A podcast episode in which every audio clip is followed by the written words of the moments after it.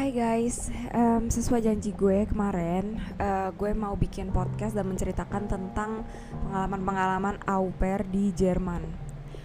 Berhubung gue banyak banget dapat uh, cerita dan juga gue bakal tambahin cerita gimana waktu gue uh, terakhir juga au pair di tahun 2017 ya. Gimana sih sebenarnya pengalaman aslinya mm, menjalankan au pair ini gitu. Uh, sebenarnya gue bingung ya. Um, au pair tuh sebenarnya teorinya bagus banget jujur ya. Bahkan gue merasa sangat diuntungkan waktu gue pertama kali uh, mengenal si program au pair ini.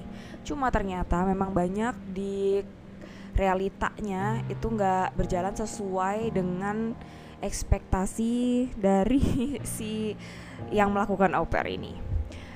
Nah, uh, sebenarnya au pair dan cerita-cerita yang berpengalaman sama au pair segala macam pendaftarannya dan visa-visanya tuh pastinya udah banyak banget dibahas di YouTube atau di platform-platform lain.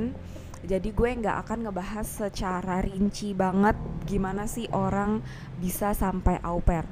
Jadi gue menceritakan sebagian besar secara keseluruhan uh, tentang pengalaman-pengalaman yang gue dapet dan juga cerita dari orang lain tentang si au pair ya um, ya gue akan mulai dulu buat yang nggak tahu apa itu au pair.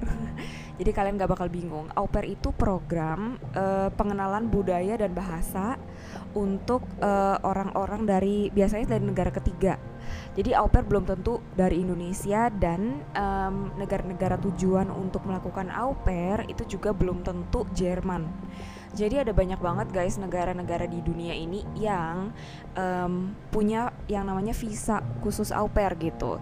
Cuma emang karena gue tidak tahu di negara lain kayak gimana, ya. Jadi gue hanya menceritakan untuk yang ke Jerman gitu.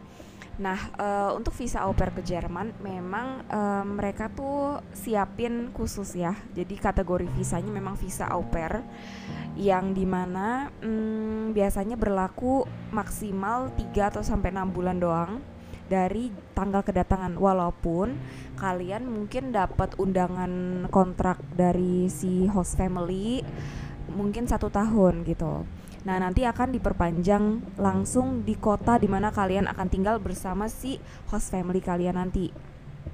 Oke. Okay.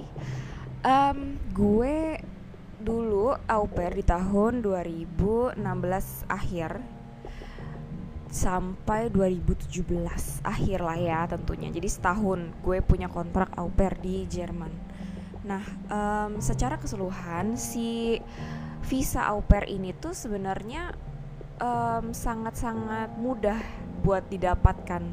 Karena kalian butuh cuma minimal sertifikat bahasa Jerman dari Goethe Institut Indonesia. Itu A1 levelnya guys. Jadi kayak sebenarnya itu bener-bener sebasic itu. Dan menurut gue si level A1 ini bahkan belum membuat kalian bisa yakin dan pede untuk um, ngomong sama orang Jerman dan conversation gitu. Kayak bener-bener ngomong sehari-hari A1 itu tuh nggak bisa. Gitu. Walaupun sepintar apa pun kalian A1-nya bukannya gue sombong tapi emang pada akhirnya ketika kalian datang ke Jerman berapapun level bahasa kalian sumpah kalian bakalan kayak nggak ngerti pertamanya kedua kalian bakal bingung mau mulai dari mana dan apakah bahasa yang kalian udah pelajari kemarin di Indonesia tuh um, bener gak sih cara makainya? Apa sih kayak kata-katanya tuh bakal bikin kalian bingung gitu. Karena ini yang gue alamin gitu. Gue dulu berangkat ke Jerman dengan sertifikat bahkan udah B1 waktu itu sertifikat B1 tuh bahkan udah bisa dipakai buat apply stud call atau yang namanya student colleague um, untuk keperluan kuliah. Jadi kayak sebenarnya gue pikir kayak B1 tuh udah sangat wow gitu kan. Kalian udah bisa banyak hal dengan sertifikat B1 tapi ternyata pas sampai di Jerman A1 itu eh salah B1 itu bener-bener nggak sewow itu gitu. Bener-bener bikin kalian masih takut banget buat memulai percakapan masih butuh uh, banyak banget yang namanya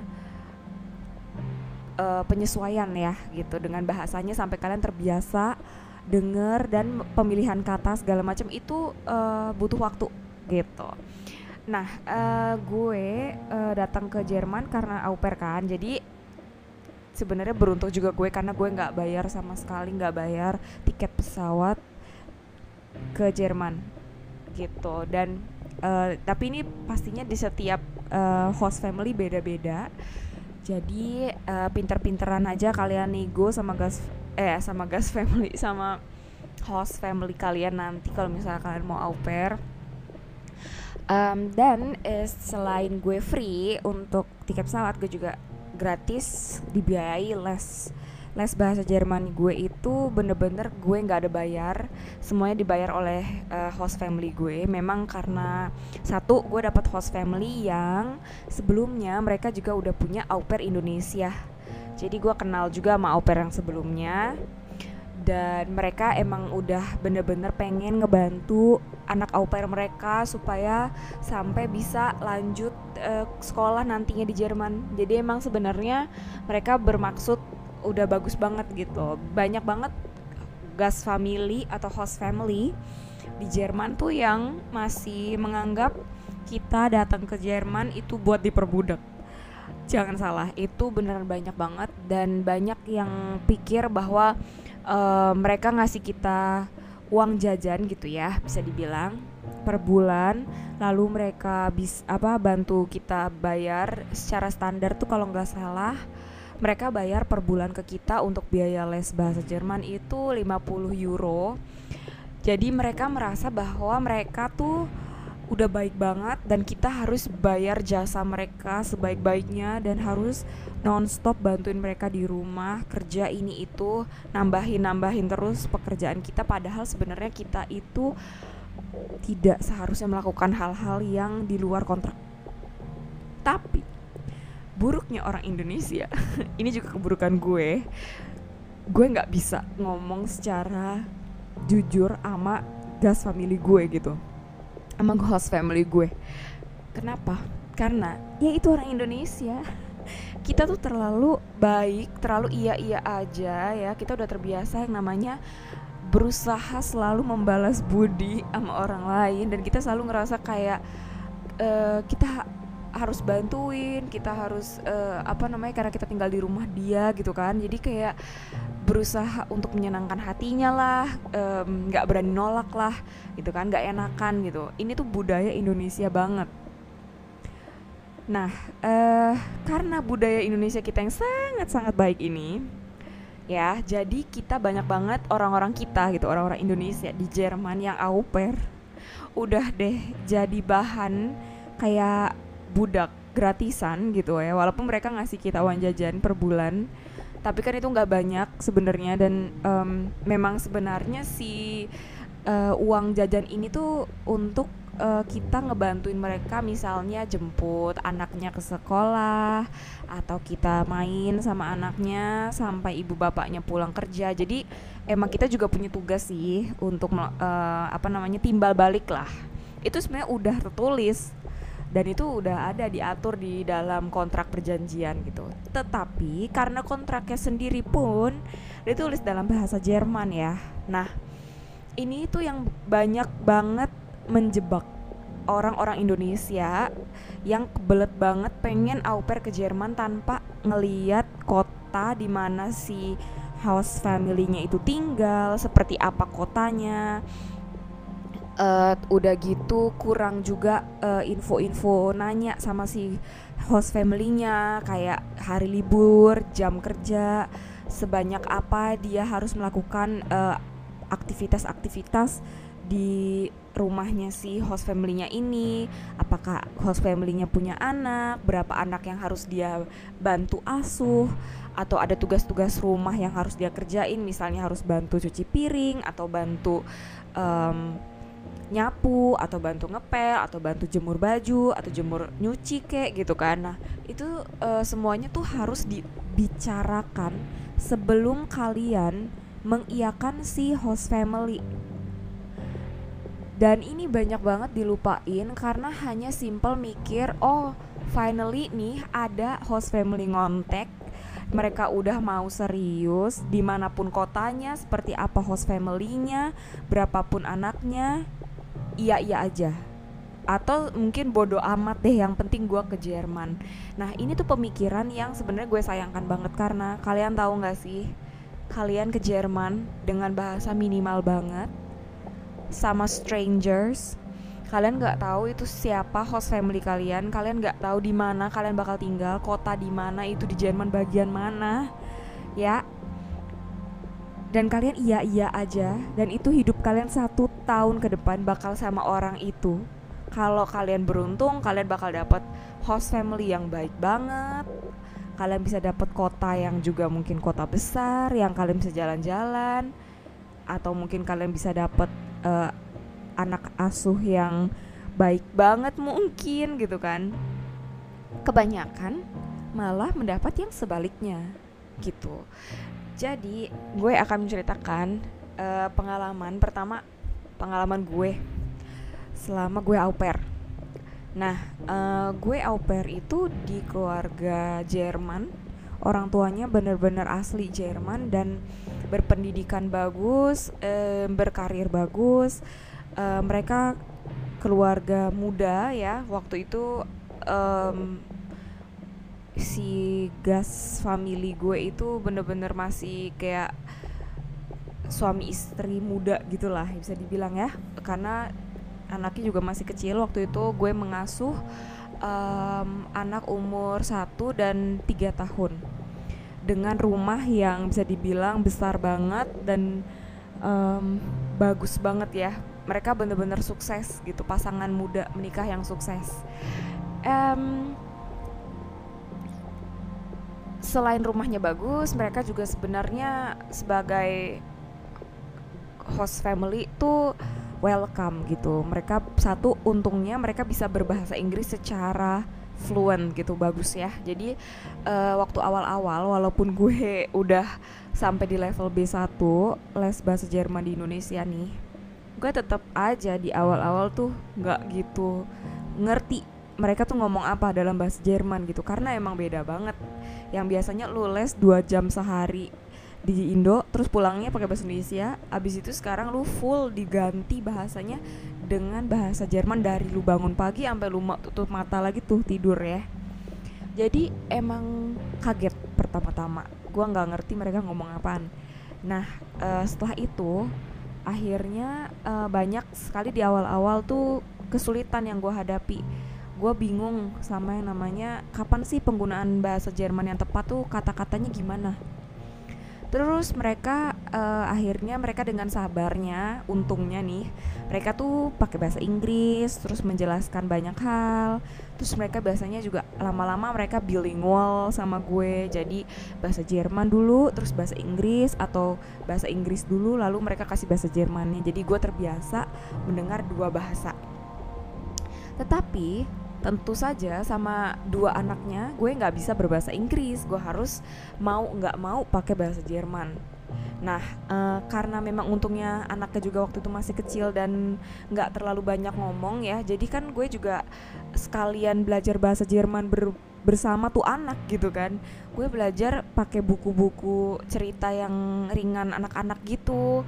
Gue baca-baca uh, vocabulary yang memang untuk anaknya jadi gue juga ikut belajar gitu guys waktu itu untungnya gue dapet anak yang emang lagi belajar ngomong nih gitu. Jadi gue sekalian juga belajar sama mereka dan buku-buku yang mereka punya tuh banyak banget kayak malah buku-buku vocabulary buku-buku cerita yang ringan-ringan yang di mana gue gampang banget belajar dan nambah kok apa sih um, tata bahasa di Jerman juga gitu. Nah akhirnya uh, kesulitannya tuh cuma di awal itu adalah anaknya belum mau sama gue. Itu no, drama nomor satu.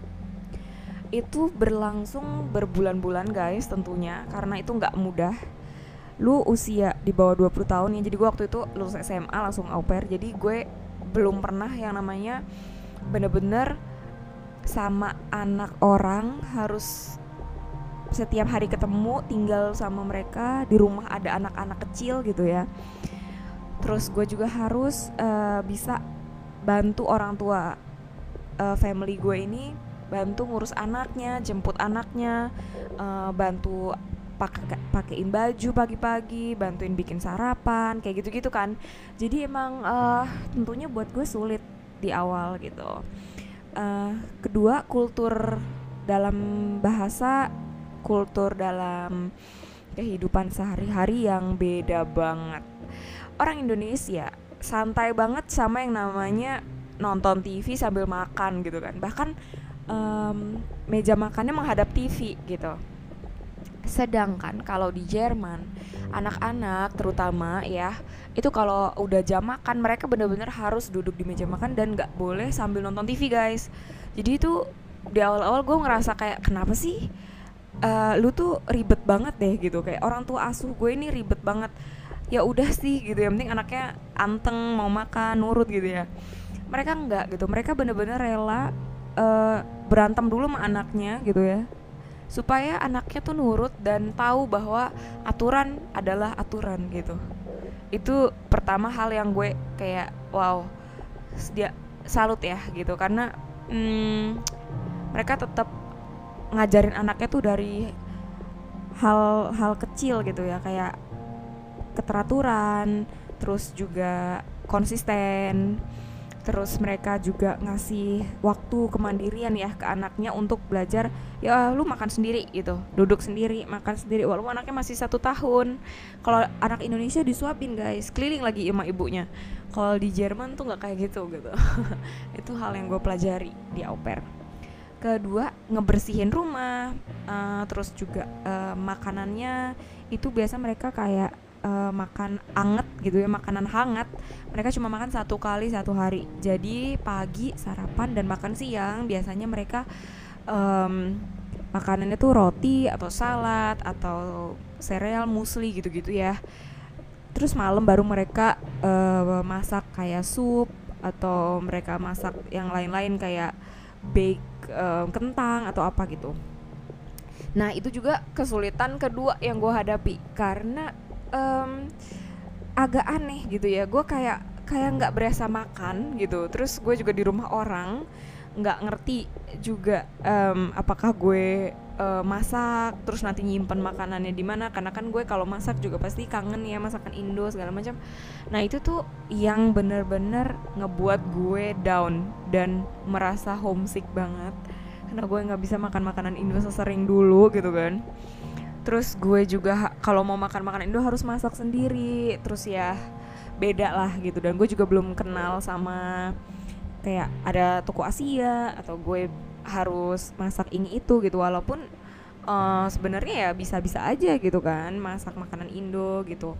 Tapi berhubung dulu kemampuan bahasa gue juga masih sangat-sangat berbeda dari yang sekarang dan gue juga sebenarnya aslinya tuh gue introvert banget manusia introvert yang awkward banget sama orang lain terus gue nggak merasa nyaman sama orang gue bakal jadi diem banget dan nggak enak deh ada di sekitar mereka gitu. Nah gue banyak kan hanya uh, sama mereka kalau emang lagi jam gue waktunya gue bantu mereka kerja gitu ya. Tapi kalau misalnya lagi nggak bagian kerja ya gue bakal di kamar atau gue melakukan hal-hal sendiri gitu. Jadi memang ya sulit banget buat gue beradaptasi di rumah orang lain numpang hidup sama mereka dan kadang nggak cocok juga culture mereka dan culture hidup gue. Jadi ya banyak sedihan juga ya guys.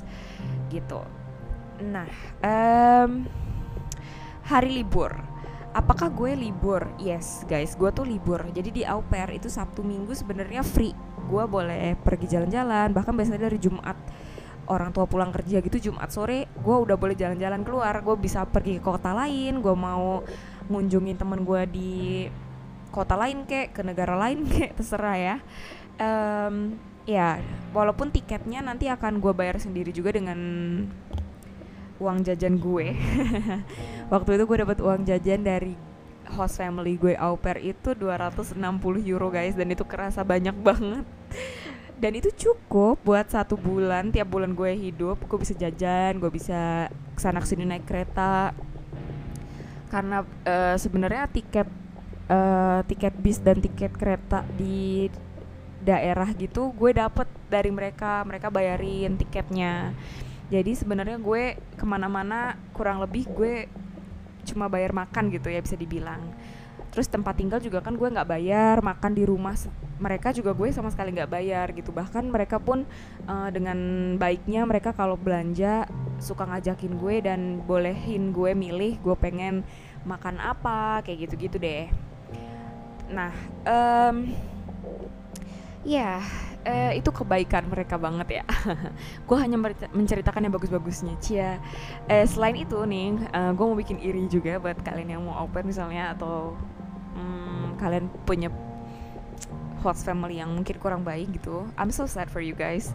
Tapi uh, gue bersyukur juga au pair gue itu lumayan baik dan lumayan bagus gitu. Walaupun sebenarnya gue ya punya pengalaman buruknya juga yang akan tentunya akan gue ceritakan juga sama kalian. Cuma si pengalaman baiknya itu adalah si gas family gue ini atau host family gue ini mereka punya mbak pembe buat bersih bersih rumah gitu. Jadi mereka punya asisten rumah tangga cia yang datang seminggu tuh dua kali. Jadi gue literally sebenarnya gak harus ngeberesin rumah sama sekali. Gak harus melakukan pekerjaan-pekerjaan rumah kayak nyetrika kayak nyapu ngepel uh, vakum cleanerin rumah gue nggak harus melakukan itu gitu. Gue cuma paling ngeberesin tempat tidur anak-anak atau ngeberesin sofa abis anak-anak main atau kamar anak-anak cuma gitu doang. Tapi gue nggak pernah kayak suruh sikat kamar mandi atau hal-hal yang uh, benar-benar pekerjaan rumah.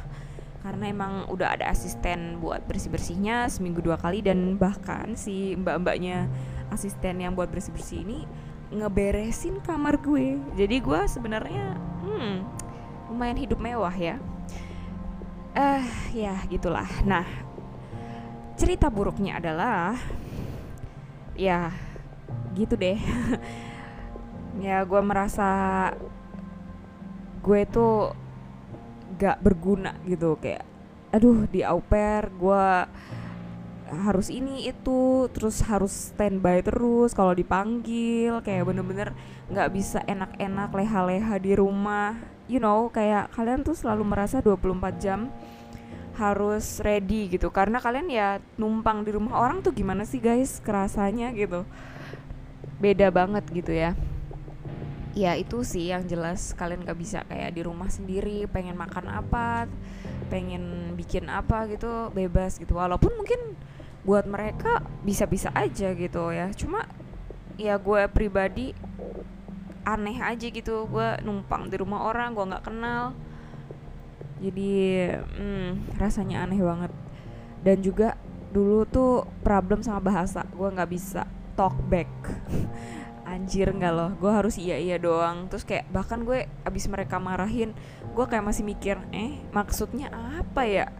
Gue nggak ngerti mereka ngomong apa. Jadi kayak ya atau misalnya kayak mereka maksudnya nggak menyakitkan tapi karena gue bahasanya bego banget atau gue nggak ngerti maksud si bahasa ini kata-katanya tuh terkesan kasar gitu misalnya. Jadi gue yang kayak aduh sedih-sedih sendiri gitu. Itu sih yang bikin sulit banget.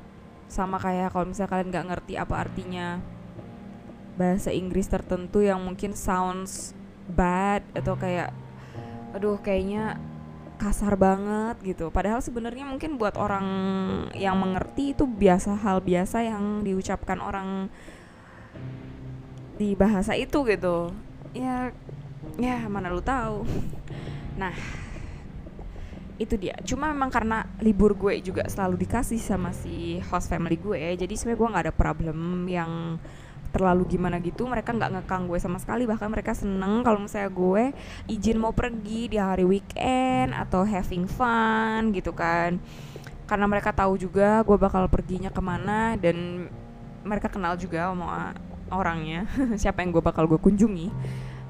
Jadi mereka juga mendukung gitu gue jalan-jalan keluar dan mereka bahkan ikutan ngerasain juga kalau misalnya gue stres mereka bakal kayak kok kamu stres kok kamu kelihatan sedih kayak gitu ya. Mereka lumayan perhatian sih sebenarnya kalau dipikir-pikir. Walaupun waktu itu gue benci banget sama mereka tapi untuk dilihat-lihat lagi ke belakang tanpa mereka gue bukan gue yang sekarang. Gue banyak banget belajar dari mereka. Gue banyak banget um, berubah sejak sama mereka. Oke okay, um, itu cerita dari gue kebaikan dan kesulitan juga dan keburukan enggak sih? Keburukan ada enggak sih? Tadi gue cerita ya nggak tau lah. Nah um, gue mendengarkan sekarang juga banyak cerita dari au pair au pair lain ya yang um, ya itu yang tadi gue bilang di awal kalau mereka terlalu terburu-buru menerima tawaran au pair ke Jerman tanpa mereka tahu sebenarnya nih si host family tinggal di kota apa atau tinggalnya seperti apa um, kira-kira si host family-nya ini orangnya seperti apa gitu dan berapa anak yang harus mereka asuh. Kadang soalnya walaupun host family punya anak lima gitu misalnya tapi kalian cuma harus ngasuh satu atau ngasuh dua. Nah itu kan penting untuk kalian tahu gitu. Terus juga kayak apa sih ekspektasi si host family ini sama kalian? Apakah mereka ekspektasinya kalian bantu urus anak dan bantu urus rumah? Ya nggak tahu gitu kan? Atau bantu masak atau bantu apa gitu. Nah si tugas-tugas yang inilah yang kadang ngebuat uh, kesalahpahaman ya di antara si host family dan si au pairnya gitu. Karena si au pairnya merasa ya kok ternyata kerjaannya banyak gitu kan. Tapi terus si host familynya juga mungkin merasa kayak eh uh, ya mumpung mumpung gitu ada orang asing kagak ngerti bahasa Jerman terus juga ya ya aja nggak bisa protes pula. Gajinya murah lagi. Ya udah suruh sebanyak banyaknya aja. Nah inilah yang di mana kalian tuh harus bener-bener hati-hati banget memilih host family, memilih kota di mana kalian tinggal nantinya di Jerman. Please Google, please banget. Kalian harus cek kotanya di mana, posisinya tuh gimana. Karena kalian satu, kalian nggak punya mobil guys di sini. Dan di Jerman itu nggak seindah yang kalian lihat di film-film ya Jerman tuh masih punya yang namanya kota antah berantah desa entah di mana yang bahkan lebih banyak sapinya daripada manusianya. Masih banyak rerumputan daripada manusianya. Jadi kalian mesti hati-hati banget memilih kota karena sumpah tinggal di pedalaman. Apalagi kalian dari kota besar misalnya di Indonesia yang biasa hidupnya uh, deket sama keramaian gitu terus kalian tiba-tiba harus pindah ke yang namanya pedesaan antah berantah jam 6 sore. Udah gelap kagak ada toko buka. Gila gila lu di situ bener. Sama orang nggak kenal lagi keluarganya. Nggak bisa bahasanya lagi. Bunuh diri kan lo uh, ya tapi jangan bunuh diri. Chat gue aja. Di Facebook bisa dicari.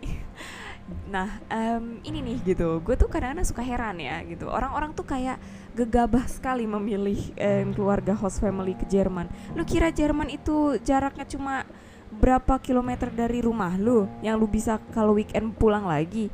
Kagak guys, jauh. Percayalah, kalian akan sangat kesulitan kalau kalian tinggal di kota desa yang eh di kota yang kecil banget, di desa banget gitu di Jerman yang di mana lu bahkan susah banget mau les pergi les aja mesti mengarungi sungai turun ke lembah gitu kan. Sulit. Hidup udah sulit lu bikin sulit. Jangan ya carilah kota yang minimal berkehidupan. Dan jangan lupa selain kalian Google di mana tuh posisinya kalian please carilah eh, grup-grup uh, Indonesia di Jerman. Dan kalian kalau bisa tanya tanya sama mereka apakah kota yang bakal kalian tuju ini oke? Okay? ataukah apakah um, uh, kira-kira bagus untuk pemula gitu? Jangan asal pilih. Karena nanti nyeselnya guys buset. Jauh apalagi kalau kalian jauh dari peradaban ya. Susah nyari teman orang induknya susah nyari bantuannya. Siapa yang mau bantuin? Jadi ya pintar-pintar lah ya Nah, uh, kedua adalah pengaturan hari libur dan jam kerja. Ini banyak banget di auper auper nih ya, banyak banget eh, hal-hal ini tuh dilanggar gitu. sama si host family-nya karena tentu saja seperti alasan yang tadi orang datang ke Jerman kagak bisa bahasa iya iya aja protes juga nggak bisa ya of course kalian akan disuruh kerja dari Senin sampai Minggu gitu kan. Hari liburnya juga dibohong-bohongin karena mungkin kalian nggak terlalu teliti dalam membaca vertrag atau kontraknya gitu ya. Kalian juga iya iya aja disuruh juga lu nggak ngerti apakah sebenarnya gue libur apa enggak sih? Kalian tahu nggak kalau au pair itu boleh libur? Kalian tahu nggak berapa hari kalian punya jatah libur? Kayak gitu loh guys. Kalian tuh bisa nego kalian tuh bisa minta hari libur itu. Dan tentu saja kalian boleh sekali yang namanya komplain karena memang gue sedih banget ngelihat orang-orang yang kayak aduh kalian harus kerja nonstop jagain anaknya. Ini itu karena banyak sekali di Jerman orang tua orang tua yang tidak mau mengurus anak tapi punya au pair. Jadi mereka merasa si au pairnya akan mengambil semua tugas mereka sebagai orang tua gitu ya. Inilah sebenarnya sebenarnya yang bener-bener bikin masalah banget di au pair Jerman nih karena gue juga barusan be eh beberapa hari lalu gue chatting sama salah satu au pair di deket kota gue eh di deket ya di kota gue. Jadi dia baru satu bulanan gitu guys nyampe di Indo. Terus um, pas gue tanya uh, dia tuh gimana sama host familynya? Yuk jalan-jalan segala macam kapan libur? dan segala macamnya. Dan kalian tahu dia nggak tahu kapan sebenarnya hari liburnya. Dan kalaupun dia bilang kayaknya sih hari minggu kak gitu ya. Terus hari minggu pun aku kerja kak. Terus gue kayak oke okay, jadi kamu sebenarnya libur tuh kapan? Sedih sih gue dengernya gitu. Terus gue selalu bilang kayak ayo ngomong ayo speak up. Mungkin buat gue kalian terdengar kayak easy banget lu ngomong gitu kan. Yes I know it's very easy to say tapi it's very hard to do karena ya kembali lagi ya kekurangan bahasa ini keterbatasan gitu. Tapi menurut gue gimana kayak caranya hafalin tuh kalimat bahasa Jerman? Please speak up. Kayak kalian butuh libur kalian butuh uh, keliling lihat-lihat ke kota kalian harus um, pergi sendiri belajar naik angkutan umum. Itu kayak basic yang harus kalian pelajari gitu selama au pair. Jangan mau kalian tuh di iya iyain aja suruh kerja nonstop bantuin ini itu. Dan yang lebih parahnya lagi si au pair yang tinggal juga di kota gue ini dia cerita bahwa dia masih tinggal dengan si au pair lama dari keluarga host family dia. Dan wa dan yang lebih mengejutkannya lagi ternyata au pair sebelumnya adalah orang Indonesia tetapi si orang Indonesia ini bener-bener nggak ngebantuin apa-apa. Bener-bener kayak terus-terusan ngebelain familynya itu terus. Dan dia bahkan nggak sosiali bergabung dengan orang Indonesia lainnya. Padahal di kota gue tuh ada banyak banget orang Indonesia.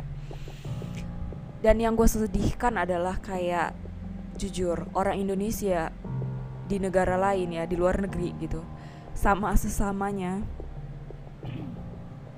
sama sesamanya orang Indonesia. Jahat coy. Mereka bahkan bisa lebih kejam daripada orang Jerman sama orang Indonesia. Orang Jerman ke orang Indonesia masih lebih respect daripada orang Indonesia ke orang Indonesia. Padahal kita sebangsa gitu. Jujur mereka lebih jahat. Mereka bisa lebih kayak sombong rasa dirinya lebih duluan di Jerman nggak mau nyapa nggak mau berteman milih-milih nggak mau bantu kalau ada problem. Padahal kayak hey we are all in this together gak sih? Hmm, itu yang gue sayangkan banget ya. Tolong tega banget sih kalian. Apalagi kayak udah tahu dia baru di Jerman bahasanya masih basic banget orangnya juga um, apa polos banget gitu ya baru nyampe di Jerman nggak tahu harus bagaimana. Sengaja gitu kalian malah nggak mau bantuin wow. Hati nuraninya itu loh. Aduh tega banget gitu ya. Nah jadi si au pair ini kembali lagi nih si au pair ini tinggal di sana berdua loh sama au pair sebelumnya yang orang Indonesia juga. Dan mereka bener-bener nggak bekerja sama dengan baik. Si au pair yang baru tidak diajarkan untuk mendekati anaknya karena au pair lama ada di situ terus gitu kan au pair yang lama juga nggak memberikan au pair barunya kesempatan untuk uh, mengenal keluarganya untuk hidup uh, bagaimana selayaknya au pair di keluarga itu terus juga nggak ngajarin banyak hal jadi gue menurut ceritanya sih gue bener-bener kayak menyayangkan banget tindakan si au pair yang lama Iya, yeah, dan juga masalah hari libur dan segala macamnya. Au pair lamanya tuh nggak berusaha bantuin gitu ya. Atau kayak ayo jalan-jalan keluar, ajarin ke si au pair barunya naik bis gitu. Kasian kan gitu loh. Dia bahkan sampai sekarang masih nggak punya yang namanya SIM card Jerman. Nggak dibantuin sama sekali loh kayak astaga gue bener-bener nggak tahu harus gimana gue dapet cerita ini uh, dan gue ikut sedih ya dengernya gitu. Karena gue pernah di posisi baru ke Jerman gue pernah di posisi au pair gue pernah mengalami semua hal yang mungkin dia alami juga dan gue nggak mau dia sedih. Dan gue pengen uh, jadi orang yang paling enggak berguna gitu ya bantuin atau bisa ngasih dia info atau bisa um, bantu apa kek gitu dengerin curhatan dia aja tuh kayaknya udah sangat membantu gitu ya buat orang-orang yang baru tinggal di Jerman gitu. Ya gitu deh guys. Jadi semoga saran-saran yang gue kasih bisa berguna. Kalau emang kalian pengen au pair pengen nyobain program au pair ini ke Jerman nomor satu bahasa dan yang kedua PD PD aja guys. Mau bahasanya ngaco kek please. Kalau emang ada yang salah dan perlu dibicarakan kalian harus uh, beraniin diri untuk ngomong karena ini penting buat kalian juga dan um, percayalah bahwa dunia au pair itu masih sangat sangat baik dibandingkan negara eh dibandingkan dunia luar nantinya setelah au pair. Kalau emang kalian masih di Jerman dan pengen lanjut gitu sekolah atau kerja di Jerman percayalah bahwa dunia au pair itu bukan apa-apa dan banyak sekali hal yang baik juga yang bisa kalian ambil dari program au pair dan tinggal bersama gas family, host family ini. Jadi jangan pernah um, menyerah untuk stand up buat diri kalian sendiri karena nggak ada orang lain yang bisa nyelamatin kalian kecuali diri kalian sendiri. So itu cerita dari gue hari ini. Mudah-mudahan kalian gak bosen dengerinnya. Dan nanti kalau gue dapat cerita-cerita lagi gue bakal ceritain tentunya please kontak gue juga kalau kalian mengalami kesulitan au pair supaya siapa tahu gue bisa bantuin gue bisa dengerin cerita kalian bisa mungkin kasih saran tertentu atau mungkin hanya meluangkan waktu gue untuk kalian dan ngedengerin kalian cerita. I would love to do that. Um, so sekian dari gue hari ini. Bye bye.